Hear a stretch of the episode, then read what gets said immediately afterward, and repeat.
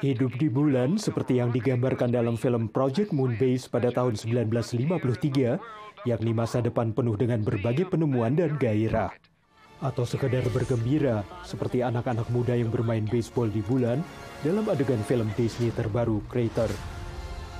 Kehidupan di bulan mungkin akan segera menjadi kenyataan berkat program Artemis yang meluncurkan misi Artemis One tanpa awak untuk mengelilingi bulan pada November 2022. Artemis akan mengirim empat astronot untuk melintasi bulan pada November mendatang dalam misi Artemis 2 dan dijadwalkan mendaratkan manusia kembali ke bulan dengan misi Artemis 3 pada 2025. Artemis juga akan membuat stasiun antariksa di orbit bulan yang disebut Gateway, yakni poster depan untuk misi masa depan ke bulan dan titik awal untuk eksplorasi antariksa di masa depan.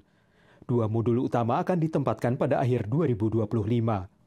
Proyek ini sesuai perjanjian Artemis yakni kesepakatan tidak mengikat antara Amerika Serikat dan 32 negara lainnya yang tercatat hingga Desember 2023. Perjanjian ini menyerukan eksplorasi damai, kerjasama timbal balik, dan berbagi data ilmiah dari antariksa. Got India signed this year. Uh, we have uh, very small countries, Luxembourg, for example, uh, uh, Singapore, uh, and we have uh, we've got uh, African countries. Angola is the most recent signatory. Uh, Rwanda, Penanda tangan lainnya termasuk Jepang, Kanada, dan 13 negara Eropa, tapi tidak termasuk Rusia atau Tiongkok. Seorang pejabat Rusia menyebut perjanjian yang dipimpin NASA itu terlalu berpusat pada Amerika Serikat. Rusia dan Tiongkok berencana membangun stasiun bersama untuk penelitian bulan. Artemis bergantung pada mitra komersial yang adalah presiden penting menurut kepala perusahaan yang membangun tangki bahan bakar untuk misi pendukung Artemis. Because you want to be able, for example, to have tourists. All right, well, tourists are going to have to be in a hotel. Well, I got to build a hotel. Right now, can I do all of this? Does all of this make sense? And the answer is, I do believe it does. James mengatakan manusia memiliki teknologi, sementara sumber daya bulan termasuk air beku dan helium-3 yang menurut para ilmuwan bisa mempercepat produksi energi ketika reaktor fusi praktis dikembangkan.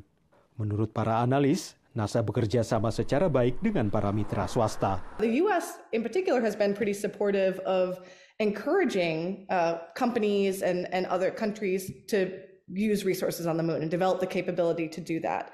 Um, you know, part of the idea there is that that helps to make space travel more sustainable. Uh, helps to develop these new technologies and move those things forward. Pangkalan antariksa ataupun pangkalan permanen belum akan dibangun setidaknya sampai tahun 2030-an.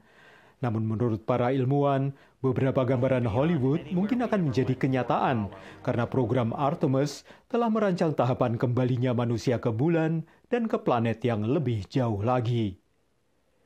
Dari Arlington, Virginia, saya Helmi Yohanes dan tim VOA.